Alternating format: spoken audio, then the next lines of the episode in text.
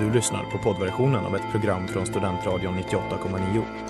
Alla våra program hittar du på studentradion.com eller där poddar finns. Av upphovsrättsliga skäl är musiken förkortad.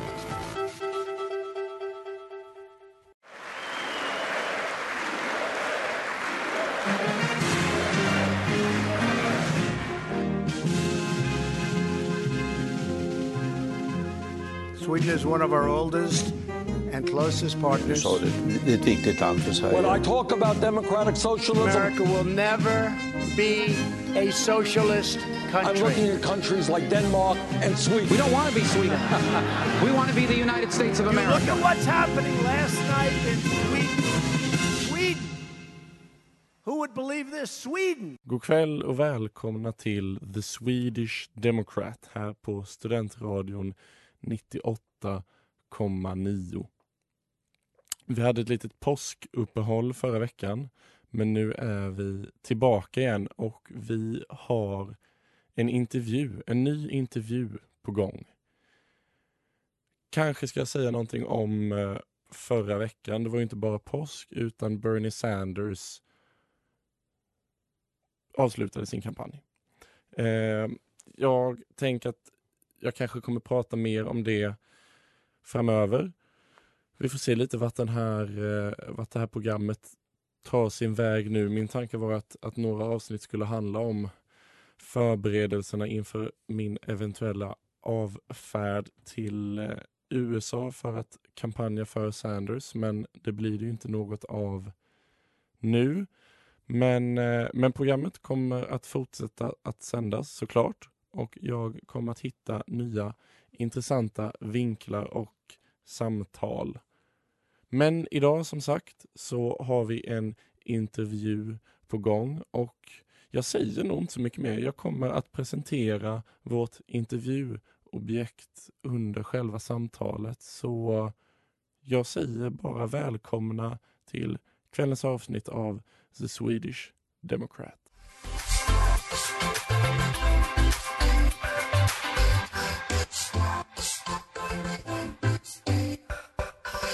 Forget med Shallow.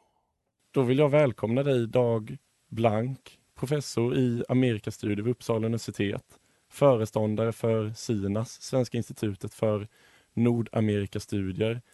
Eh, Du är även knuten till Augustana College i Illinois och är flitigt anlitad USA-expert i eh, de svenska medierna och nu sitter du här med oss på Studentradion. Välkommen! Tack så hemskt mycket. Om vi börjar med, det är väldigt mycket titlar där. Jag tycker att det är, jag tycker att man ska nämna dem. Vissa kan ju tycka i, i den akademi- akademiska miljön att, att det är lite för mycket titlar. Men jag tänker en av dem eh, är ju eh, professor i Amerikastudier och föreståndare för SINAS. Som jag har förstått Ja. är ganska ovanligt. Det, som jag har förstått är Amerikastudier inte så utbrett som ett eget ämne eller en egen disciplin i, i, eh, i Sverige. Eh, Hur, Nej, så är det. Hur, hur kom du in Det, det på hur kom du in på i det arbetet så att säga? Vad fick dig intresserad av Amerikastudier? Ja, det var så att jag kom eh, efter gymnasiet så kom jag till USA på ett stipendium till ett amerikanskt college som jag fortfarande är knuten till som ligger i Illinois. Augustana College heter det och jag kom dit som stipendiat och skulle läsa ett år som man gör ibland. Och eh, jag blev fast. Jag fick en möjlighet att läsa mer än ett år. Jag fick möjlighet att ta min examen där. Jag tyckte det var eh, fantastiskt. Jag hade väl inte så starkt förhållande till USA innan dess. Jag hade väl marscherat lite grann mot amerikanska ambassaden och protesterat mot amerikanska utrikespolitiska övergrepp och sådär. Men jag fick en helt annan bild av USA eh, som är då knuten till studiemiljöerna. Alltså Sådana här liberal arts college som det finns i USA som vi saknar i Sverige. Fantastiskt positiva studiemiljöer. Och det fick mig att eh, bli väldigt eh, stimulerad av, av det jag träffade där. Och dessutom så under mina studieår där så kom jag att- stöta på material som rörde den svenska invandringen till USA. Det här colleget är ett sånt här gammalt svensk college som grundades av svenska invandrare 1860. Och eh, de hade i, sina, i sitt bibliotek och sitt collegearkiv massor av material som rörde den svenska invandringen till USA. Och jag blev väldigt fascinerad av det. Och det faktiskt bestämde min framtida yrkesinriktning. Att jag blev, när jag kom tillbaka till Sverige så fortsatte jag studier i historia som rörde USA och svensk-amerikanska kontakter.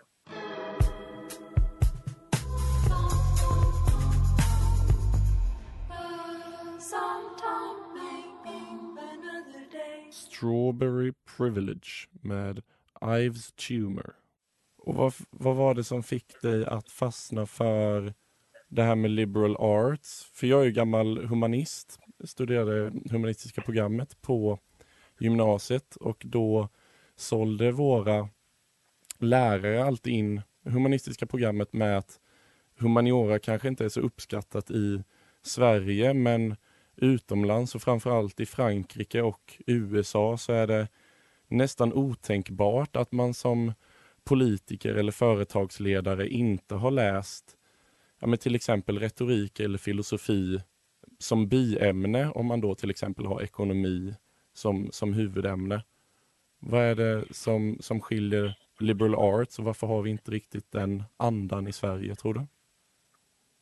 Ja, de svenska universiteten har ju varit ganska präglade av professionsutbildningar och ja, man har läst eh, några ämnen, man har specialiserat sig tidigare. Om man går längre tillbaka i tiden så kan man säga att en del av den utbildning som en liberal arts-utbildning i USA ger fanns tidigare på de svenska läroverken. Det var en bredd där man läste språk och man läste samhällskunskap och humaniora och så vidare.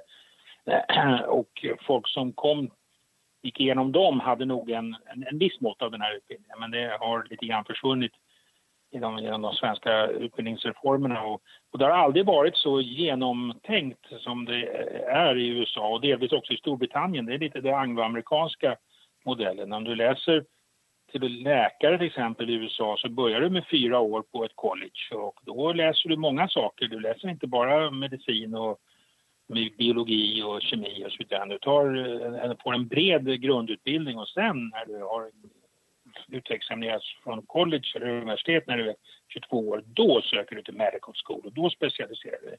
I Sverige så börjar man ju på läkarlinjen till exempel, eller juristlinjen eller vad det kan vara, direkt efter gymnasiet. Så det är en stor skillnad där hur man ser på det där och eh, vad man tillmäter värde. Och vad tror du det är som gör att just då USA eller Storbritannien som du nämner, varför, varför, tyck, varför tillmäter de den här typen av studier ett värde och varför tillmäter vi i Sverige inte det? Ja, det har att göra med traditioner skulle jag vilja säga just nu. Att, att det har uh, länge funnits den typen av, av bredare utbildningar i både Storbritannien och USA. Och det amerikanska systemet är delvis präglat av det brittiska systemet naturligtvis. Så, att, eh, så är det nu. Sen ska man säga att det finns även i USA väldiga specialiseringar naturligtvis. Och, och så. Och alla, alla omfattar inte av den här tanken, men väldigt många gör det. Och man, man anser till exempel på det colleget som jag då är knuten till fortfarande, om man ska läsa ekonomi och tänker sig en karriär i företagsvärlden så det, säger de då att många företagare säger ja, ja, vi, se till att de kommer med en bred bakgrund, de kan lite språk, de har lärt sig att tänka, tänka och skriva och resonera kritiskt. Sen kan vi fylla på med lite mera fakta och specialinriktningar när de kommer till oss. Men vad vi, vad vi vill att ni ger oss är personer som kan tänka, skriva och, och resonera på ett smart sätt. Old friend, we meet again.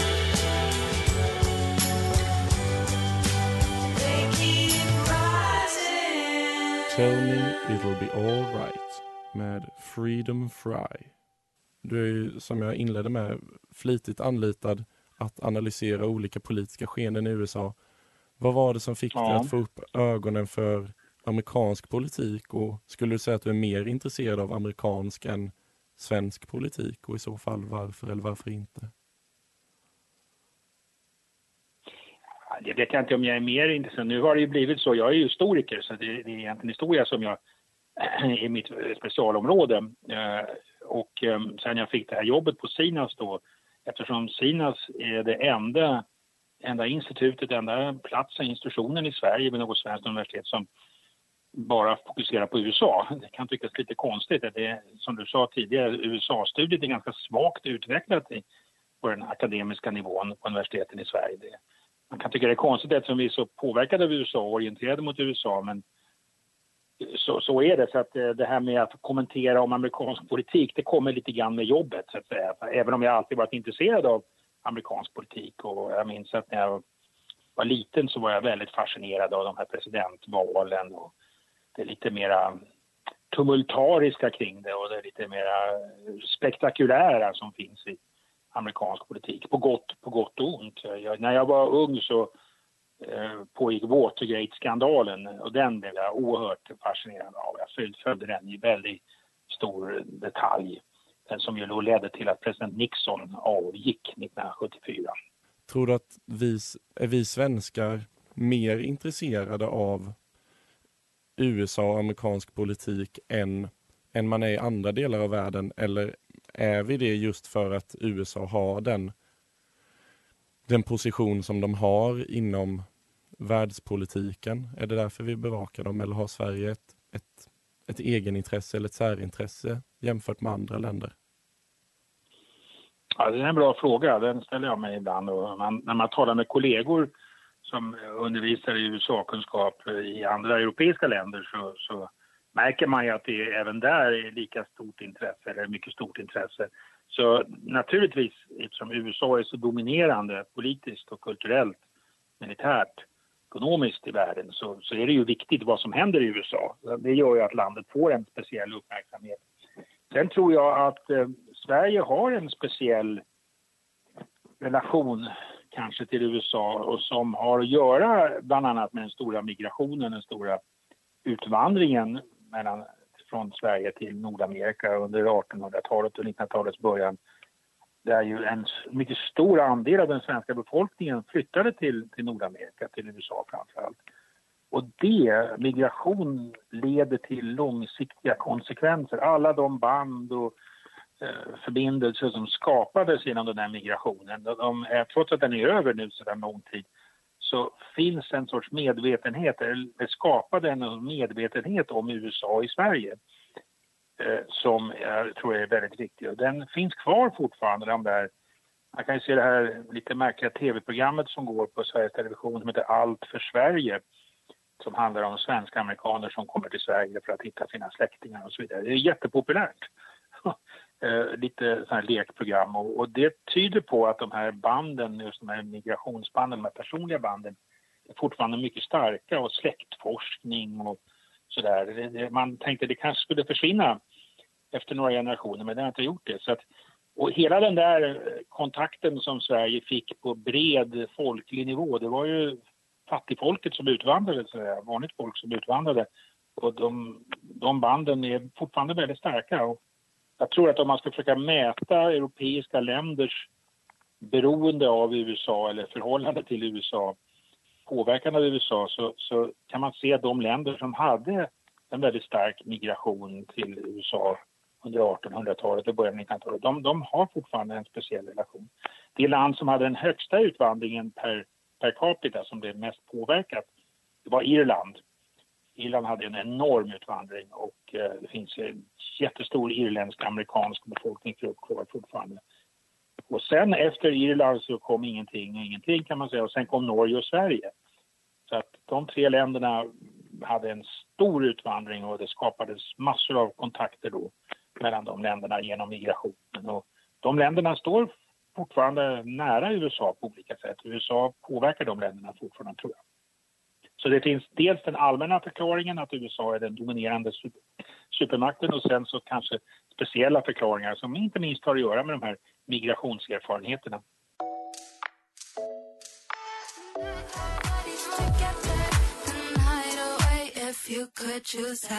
Glue med Lil Halima. Ett av dina specialområden du är historiker och specialiserad på just svensk-amerikanska relationer och i, i en artikel som du har skrivit eh, i Historisk tidskrift förra året så skriver du att den svenska emigrationen till USA är en citat kognitiv låsning slutcitat i diskussionen om svensk-amerikanska relationer. Och nu har du sagt att, att eh, migrationen är viktig som förklaring, men vad är det man missar om man bara fokuserar på migrationsfrågan så att säga? Ja, det, det var lite provocerande skrivet kanske, men vad jag menar där är att eh, den spelar stor roll, men det handlar inte bara om, om migrationen. Och om man bara tänker på svensk-amerikanska relationer i, i termer av utvandringen och, och, och, migrationen, då missar man mycket. Till exempel så missar man hela den kulturella dimensionen av amerikansk påverkan i Sverige, av, mot Sverige till exempel. Man missar vårt intresse för det akademiska USA, inte minst vi på universiteten har en väldigt stark koppling mot USA. Och, och eh, det är ju den populäraste destinationen för svenskar som studerar utomlands, det är amerikanska universitet och, och, och så. Så att det finns eh, många, många sådana dimensioner av den svenska amerikanska de svensk-amerikanska kontakterna, kontaktnäten som också är viktiga. Inte minst då de kulturella, skulle jag säga, kulturella faktorerna eh, som, som styr oss mot USA och i, kanske bort från andra länder. Det finns olika försök att mäta beroendet eller närheten till, till USA. Och, och, oavsett vilka undersökningar man tittar på så ser man att USA ligger högt eh, i den svenska, på den svenska närheten, så att säga.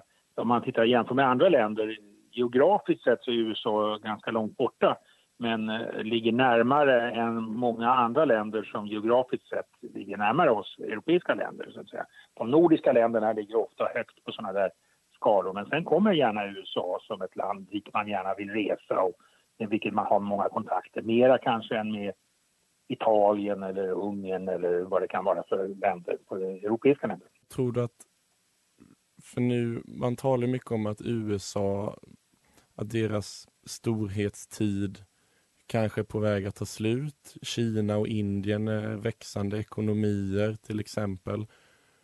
Om USA tappar och i och med Trump så har man gjort,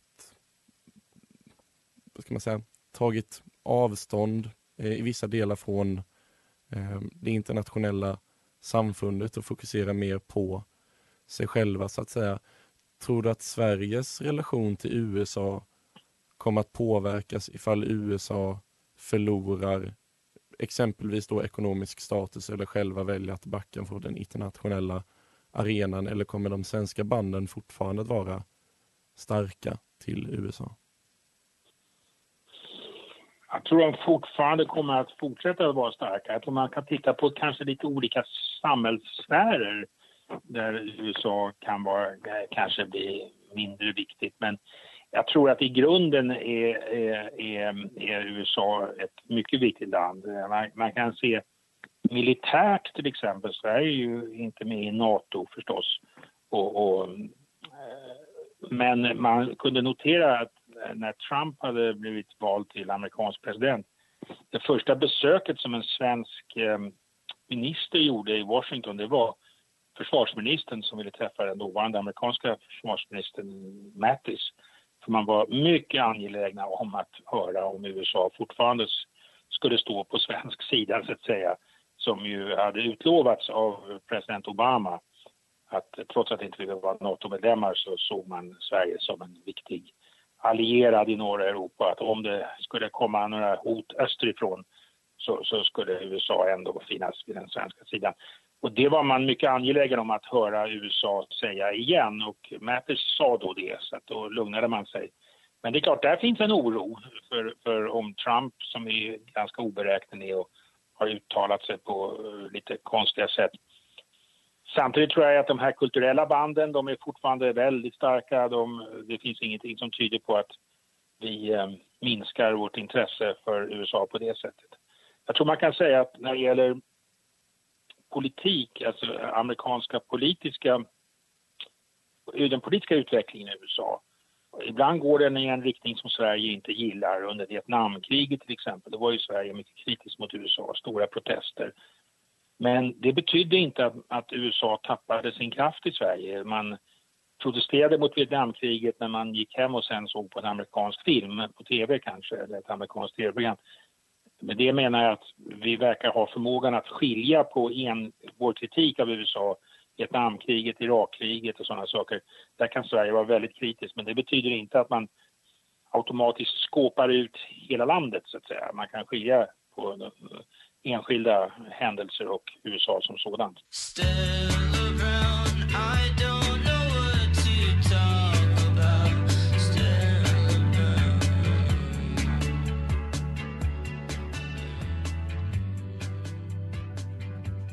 Stella Brown med Jelani Arie.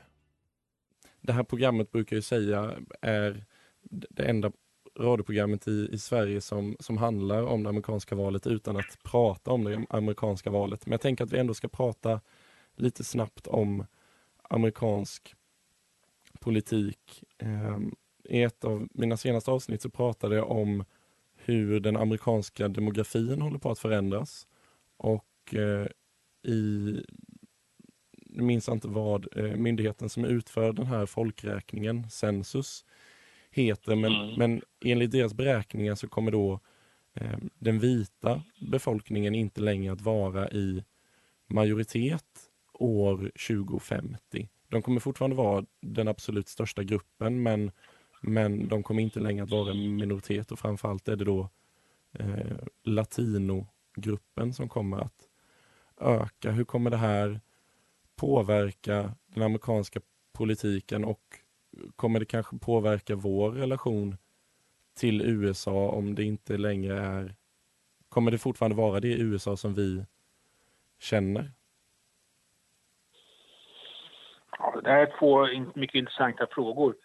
Eh, man brukar ju säga det att de här minoritetsgrupperna som finns i USA som man identifierar på olika sätt den svarta gruppen förstås. Och sen har man då latinogruppen, latinamerikan, med latinamerikanskt ursprung, asiaterna. Eh, de eh, har tenderat alltid att rösta demokratiskt. Att allt eftersom de grupperna växer, allt eftersom den vita gruppen då, med vit menar man här personer av europeiskt ursprung, eh, minskar, så skulle det vara dåliga nyheter för republikanerna då skulle de hela tiden tappa position. Och eh, det var det som Hillary Clinton, tror jag, det var en av hennes strategier inför valet 2016. Hon trodde, satsade på att hon skulle vinna, bland annat med stöd av dem. Nu vann ju Trump, som eh, vi alla vet, men man kan också se väldigt tydligt att Trumps väljarbas den är väldigt starkt knuten till den vita gruppen, till vissa kategorier av vita väljare, lågutbildade vita väljare, arbetarväljare ofta. Och det är en grupp som minskar. det, är ett, det är ett faktum, så att säga. Och frågan är då om de här latinogruppen framför allt, om den kommer att fortsätta att rösta demokratiskt. Det har varit huvudtesen hittills. Det finns inget som tyder på det, eh, att något annorlunda just nu. Så att det är en, en faktor som arbetar emot Republikanerna kan man säga. Så det håller på att förändra det amerikanska politiska landskapet. Sen vet man inte det kan hända att latinogruppen när den blir väldigt stor, vilket den håller på att bli, att den kommer bli väldigt eh, blandad och eh, diversifierad och, och, kanske också får det ekonomiskt bättre och då är det möjligt att man inte nödvändigtvis röstar på Demokraterna längre utan då blir det andra faktorer som spelar in, klass till exempel, social klass.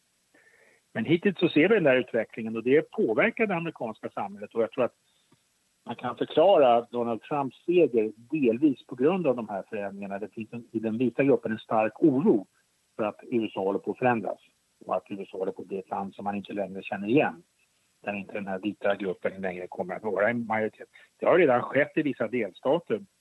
Åker man till Kalifornien till exempel så kan man om man går längs gatan där så mycket tydligt se det. Där ligger den vita gruppen nu på tror jag, 38 procent av befolkningen, och latinogruppen på 37 procent av befolkningen. Så det är en de här förändringarna sker hela tiden. Och det förändrar USA. Då kan man också säga att USA har alltid varit ett land med invandring och förändrade, förändrad demografi. Vid sekelskiftet 1900 så var det de syd och östeuropeiska grupperna som hade invandrat till USA som framstod som på den tiden som farliga och avvikande. Alla italienare och ryssar och greker och så och som skapade en väldig, väldig spänning i det amerikanska samhället. Tidigare också när irländarna kom, de var katoliker, det var också starka spänningar till det. Hittills har det amerikanska samhället förmått absorbera de här grupperna och de har påverkats av det amerikanska samhället naturligtvis, blivit amerikaniserade på något sätt. Det ser man i latinogruppen nu, just nu. Men de har också påverkat det amerikanska samhället, att det amerikanska samhället har verkligen förändrats. Innan, eh, I mitten på 1800-talet så var det mycket mer nordeuropeiskt, nordvästeuropeiskt och protestantiskt. Och sen början på 1900-talet så kom de stora syder, och östeuropeiska grupperna. Och de har ju på olika sätt integrerats och idag är italienarna i Amerika, i Amerika lika amerikanska som andra grupper och populärkulturen. Är, vi tycker om det italienska, amerikanska och Sopranos och tv-serier och alltihopa det. Frågan är om det kommer ske nu också då med de nya grupperna, de asiatiska och latinogrupperna. Och att USA kommer förändras igen då. Och det är väl det vi väntar, får vänta och se helt enkelt. Det pågår nu och jag tror att det finns en starka, starka spänningar kring de här förändringarna just nu och det kan förklara det starka stödet för eh, Donald Trump bland vissa grupper.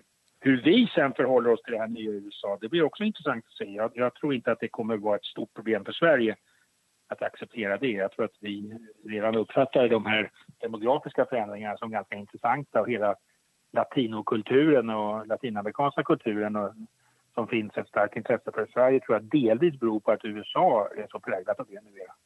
Det är en sorts amerikanisering.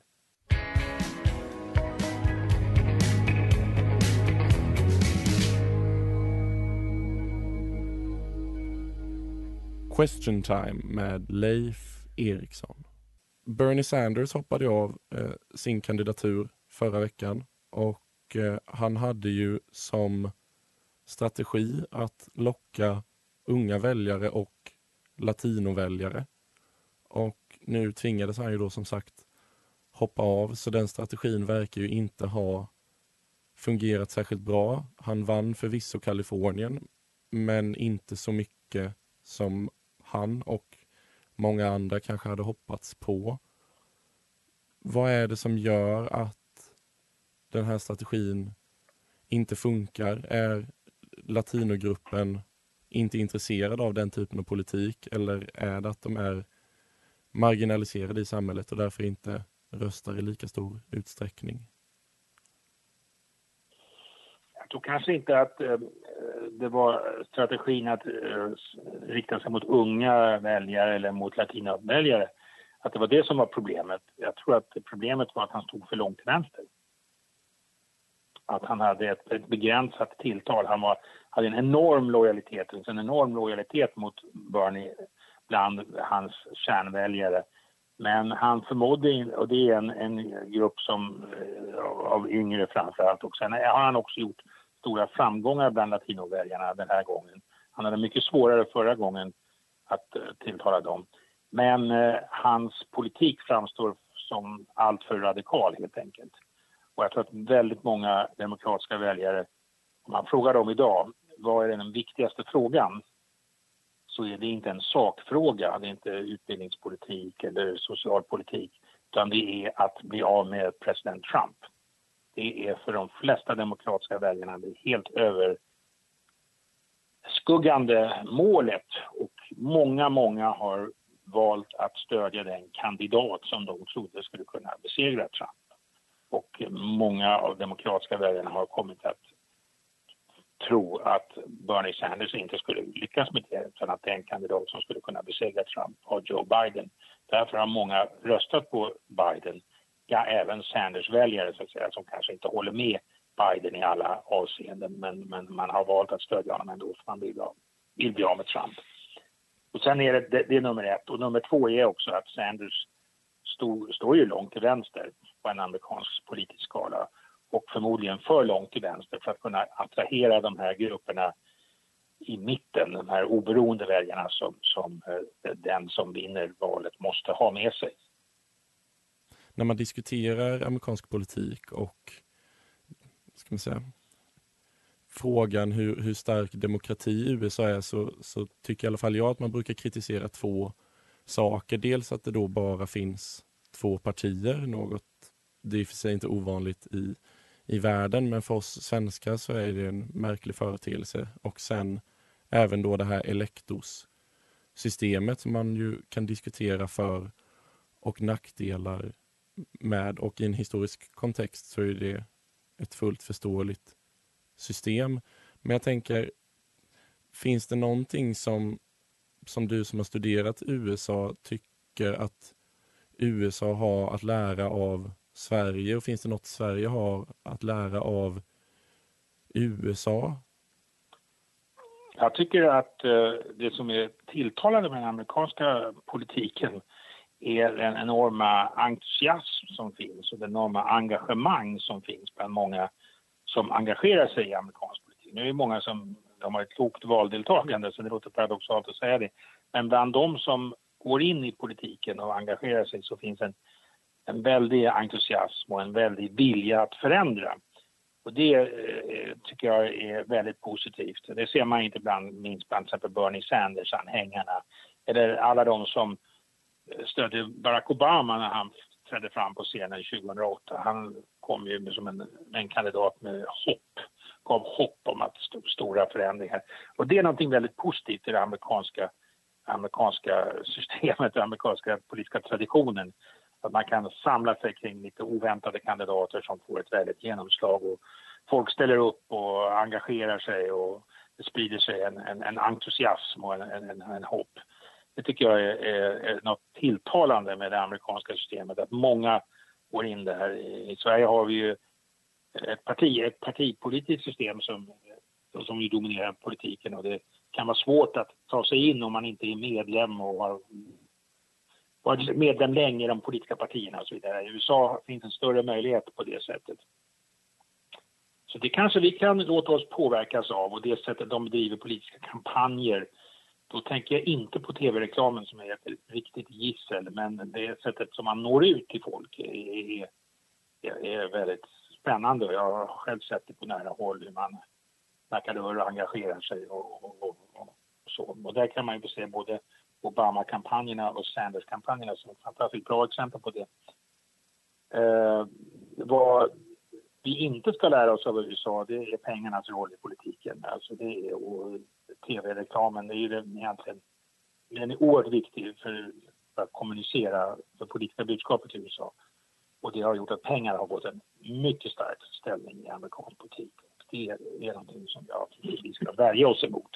Så jag är glad över att inte vi har den typen av tv-reklam, politisk tv-reklam i Sverige som, som, som är, kostar ju jättemycket pengar. De amerikanska tv-bolagen de är oerhört nöjda när det är val.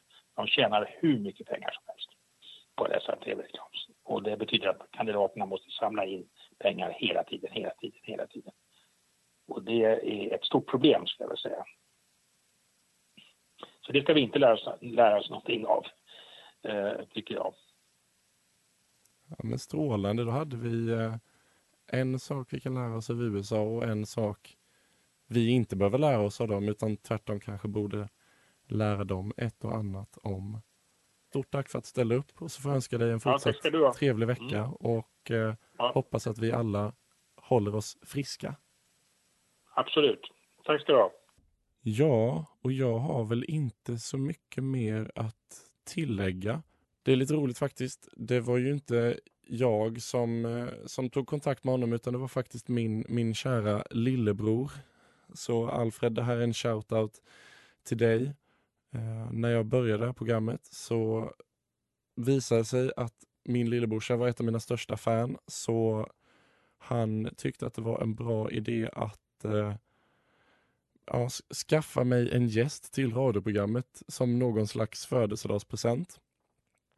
Så eh, ni som lyssnar, om, om ni har gäster som ni skulle tycka att det var intressant att lyssna på, så gör som min kära lillebror och eh, ja, ni behöver inte själva vara de som eh, förmedlar kontakten. Det räcker gott och väl med att ni eh, tipsar om gäster som ni skulle tycka var intressanta. Då kan ni mejla på the at studentradion.com. Så eh, ja, jag säger väl inte mycket mer än tack till Dag, tack till min kära lillebror Alfred och ha en trevlig kväll allihopa. Du har lyssnat på poddversionen av ett program från Studentradion 98,9. Alla våra program hittar du på studentradion.com eller där poddar finns. Och kom ihåg, att lyssna fritt är stort, att lyssna rätt är större.